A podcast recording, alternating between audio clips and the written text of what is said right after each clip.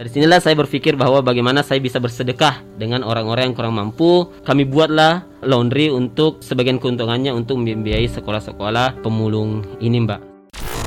Smart UMKM Podcast persembahan KG Radio Network part of KG Media menyajikan inspirasi dari UMKM di seluruh Indonesia.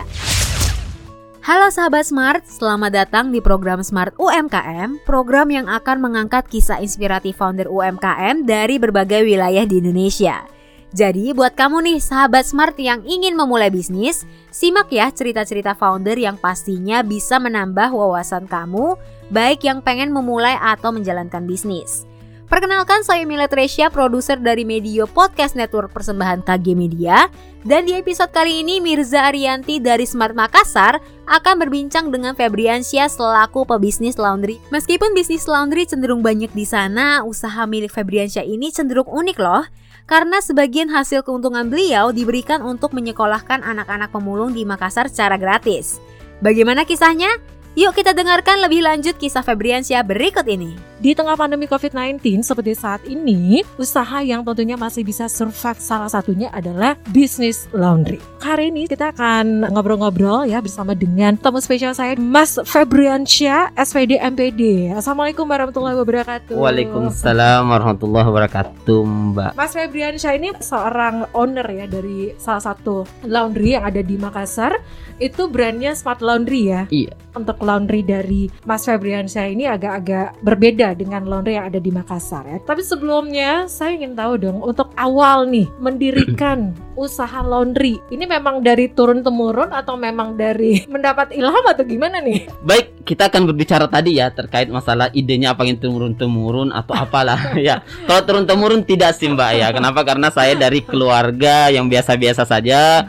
Orang tua saya itu adalah tukang jahit. Jadi beda tukang jahit dengan laundry sangat beda. Jadi bukan turun-temurun. Tapi saya jujur Mbak, saya suka mencuci sendiri. Itu yang pertama. Ya, walaupun sudah ada istri tapi kadang saya masih mencuci sendiri gitu ya. ya, saya orangnya ya pembersih begitu. Eh, Selain itu juga ide awalnya itu kami dipinjamkan ruko bagaimana supaya ada bisnis. Kemudian selain itu juga kita ada sekolah pemulung. Nah, sekolah pemulung ini adalah sekolah sekolah impian ya, sekolah impian namanya kami sebutkan sebagai sekolah impian, sekolah yang kita khususkan untuk orang-orang pemulung. Kalau ada sekolah pemulung berarti kami ada tekanan bagaimana supaya bisa membesarkan menyekolahkan anak-anak ini. Menyekolahkan anak ini butuh biaya, Ya. guru-gurunya pun butuh biaya. Berarti kita harus berpikir nih Mbak nih. Iya. Tentunya harus ada social entrepreneur atau bisnis sosial. Hmm. Nah, bagaimana bisnis nanti ini untuk membiayai sekolah pemulung ini? Hmm. Nah, kita lah alhamdulillah kita berpikir bagaimana nih kalau kita membuat bisnis laundry saja. Kita alhamdulillah kita pun membuka bisnis laundry yang ada di Jalan Baji Daka Hmm. ini. Awalnya atau konsepnya sendiri itu bagaimana sih? Untuk belajarnya sendiri bagaimana? Untuk belajarnya sendiri Mbak ya, Hmm. sebelum saya mendirikan kita semuanya tentunya banyak cucian di rumah. Ya kan? Ketika saya masih mahasiswa nih, ketika karena sibuk kita kadang ini kadang ini sibuk sekali pakaian saya tidak bisa cuci sendiri mbak. Saya bawa ke laundry. Saya bawa ke laundry bilang saya berpikir kayaknya e, bisnis laundry ini menguntungkan kayak Hmm. karena 5000 per kilogram 4000 per kilo dan lain sebagainya. Tentu ini menguntungkan sehingga insya Allah suatu saat nanti saya akan membuat bisnis laundry. Hmm. nah kami pun membuat bisnis laundry ketika kita melihat bahwa ada ruko di Bajik Daka ini. Hmm. kemudian kita lihat dulu ini survei Hmm. ya observasi lokasi. Kita lihat bahwa di sini ada kampus. Pokoknya ada kampus kayaknya berpotensi nih. Hmm. Kemudian warga juga ada perumahan di belakang kemudian cocok untuk laundry Hmm. Bismillah kita buka uh, laundry di tempat ini Hmm. kemudian kita cari tim Hmm. konsep kami beda mungkin dengan laundry laundry yang lain Hmm. Kalau laundry yang lain mungkin mencari keuntungan ya semua laundry semua usaha pasti mencari keuntungan tapi kami ada niat tersendiri untuk bisnis kami ini Jadi Hmm. untuk usaha yang dijalankan itu memang ada ada konsep sendiri. ada konsep ya. sendirinya, Hmm. ada konsep sendirinya. Di sepanjang jalan Baji Daka banyak kok laundry, banyak laundry sini. Ada sekitar Menjamur, tiga. menjamur. Tapi prinsip kami, orang lain bisa bisa meniru usaha Anda, Hmm. tapi rezeki Anda tidak bisa ditiru. Begitu banyak bisnis laundry, tapi mungkin tidak sama, Hmm. tidak sama dengan konsep yang kami jalankan. Konsep kami jalankan bahwa sebagian dari keuntungan laundry ini kita sisihkan untuk anak pemulung. konsep kami juga untuk mencari karyawan berbeda lagi nih mbak. Ketika ada bisnis laundry, saya cari teman-teman siapa yang siap berjuang dengan saya. Ada tempat ruko niat saya untuk membuka laundry. Siapa yang bisa berjuang dengan saya? Hmm. Berjuang ya. Kita karyawan Allah biar Allah yang gaji. Itu yang pertama sampai yang ke teman-teman yang siap. Ayo kita buka bisnis laundry. Kemudian ada menawarkan bahwa saya siap. Hmm. Dan alhamdulillah ada satu orang yang siap memang fokus di laundry ini. Hmm. Jadi orang yang pertama. Setelah itu dia fokus. Setelah itu ada lagi satu orang. Jadi sampai sekarang itu ada tiga karyawan Hmm. kami Hmm. yang tinggal di situ, yang makan di situ, yang fokus untuk eh, memikirkan juga bagaimana laundry ini bisa berkembang, Hmm. Mbak. Untuk teman-teman yang direkrut itu semuanya memang dari satu komunitas atau bagaimana? Sebenarnya ini dari orang yang tidak saya kenal juga, Mbak. Tapi temannya teman saya, temannya teman saya katanya ini lagi butuh kerjaan. Hmm. Dia sarjana, tapi dia lagi butuh kerjaan. Siap, siap nggak berjuang. Tinggal di situ, tidak usah cari kos lagi. Tinggal di situ nanti kami modali semua. Kemudian saya akan sampaikan bagaimana cara melipat, cara packing yang bagus, cara menyetrika. Dan dia siap, dan dia siap. Nah, awal mula ya pada saat uh, laundry ini dibuka itu bagaimana Mas Febri? Apa yang menjadi tantangan di sini? Nah kita berbicara masalah tantangan nih Tantangan tentang smart laundry Kalau tantangan smart laundry sih banyak sih mbak ya Banyak sekali tantangannya Nah tantangan yang yang berat sebenarnya itu di awal-awal sih Di awal-awal karena kita harus berjuang betul-betul Mhm. Mulai dari pencarian karyawan Kemudian mulai dari pemilihan sabun dan eh, apa ya aroma Hmm. dari parfum parfum itu sendiri. Iya. Kemudian bagaimana cara marketing juga penting loh mbak. Di awal itu mbak Hmm. kita ada konsep nih bagaimana memperkenalkan dulu mbak laundry kami di awal itu mbak hanya 3000 per kilogram Hmm. dan itu bertahan kayaknya satu bulan sampai tiga bulan mbak itu setelah melihat kiri kanan gitu. iya mbak heeh. Biasanya ada yang lima ribu ya sampai lima Iya, ribu, enam ribu. 2000. kami Ini bisa bisa berani ya sampai tiga ribu harus mbak ya. harus untuk mencuri hati pelanggan yang harus kita turunkan Itu gitu. keuntungannya dari mana itu Mas? Iya. keuntungannya ada mbak di situ dia tantangannya karena 3000 banyak memang Banyak kan yang datang ya? kewalahan. 3000 nih mbak ya banyak mbak ya tapi yang jadi persoalan bisa nggak mempertahankan klien ini ketika dinaik nah itu kadang ketika naik mbak Semuanya eh, lari ya satu-satu. satu-satu lari mbak satu-satu lari tapi kebanyakan juga masih bertahan dengan Hmm. kita mbak kebanyakan juga masih bertahan dengan di angka 4000 tersebut bahkan di awal-awal mbak saya pribadi itu antar jemput mbak Pakai apa? pakai motor, pakai mobil, Mbak. Kadang itu. Saya ya us- di awal-awal lah. Nah, setelah itu ada perasaan capek. Pernah juga, "Eh, Pak Febri, mana baju saya mau dipakai ini? Aduh, kewalahan di laundry, Mbak. Aduh, bilang belum lagi diantar jemput jauh. Hmm. Marah pelanggan itu ada, Mbak. Iya. Apa pengalaman yang paling menarik begitu Mas?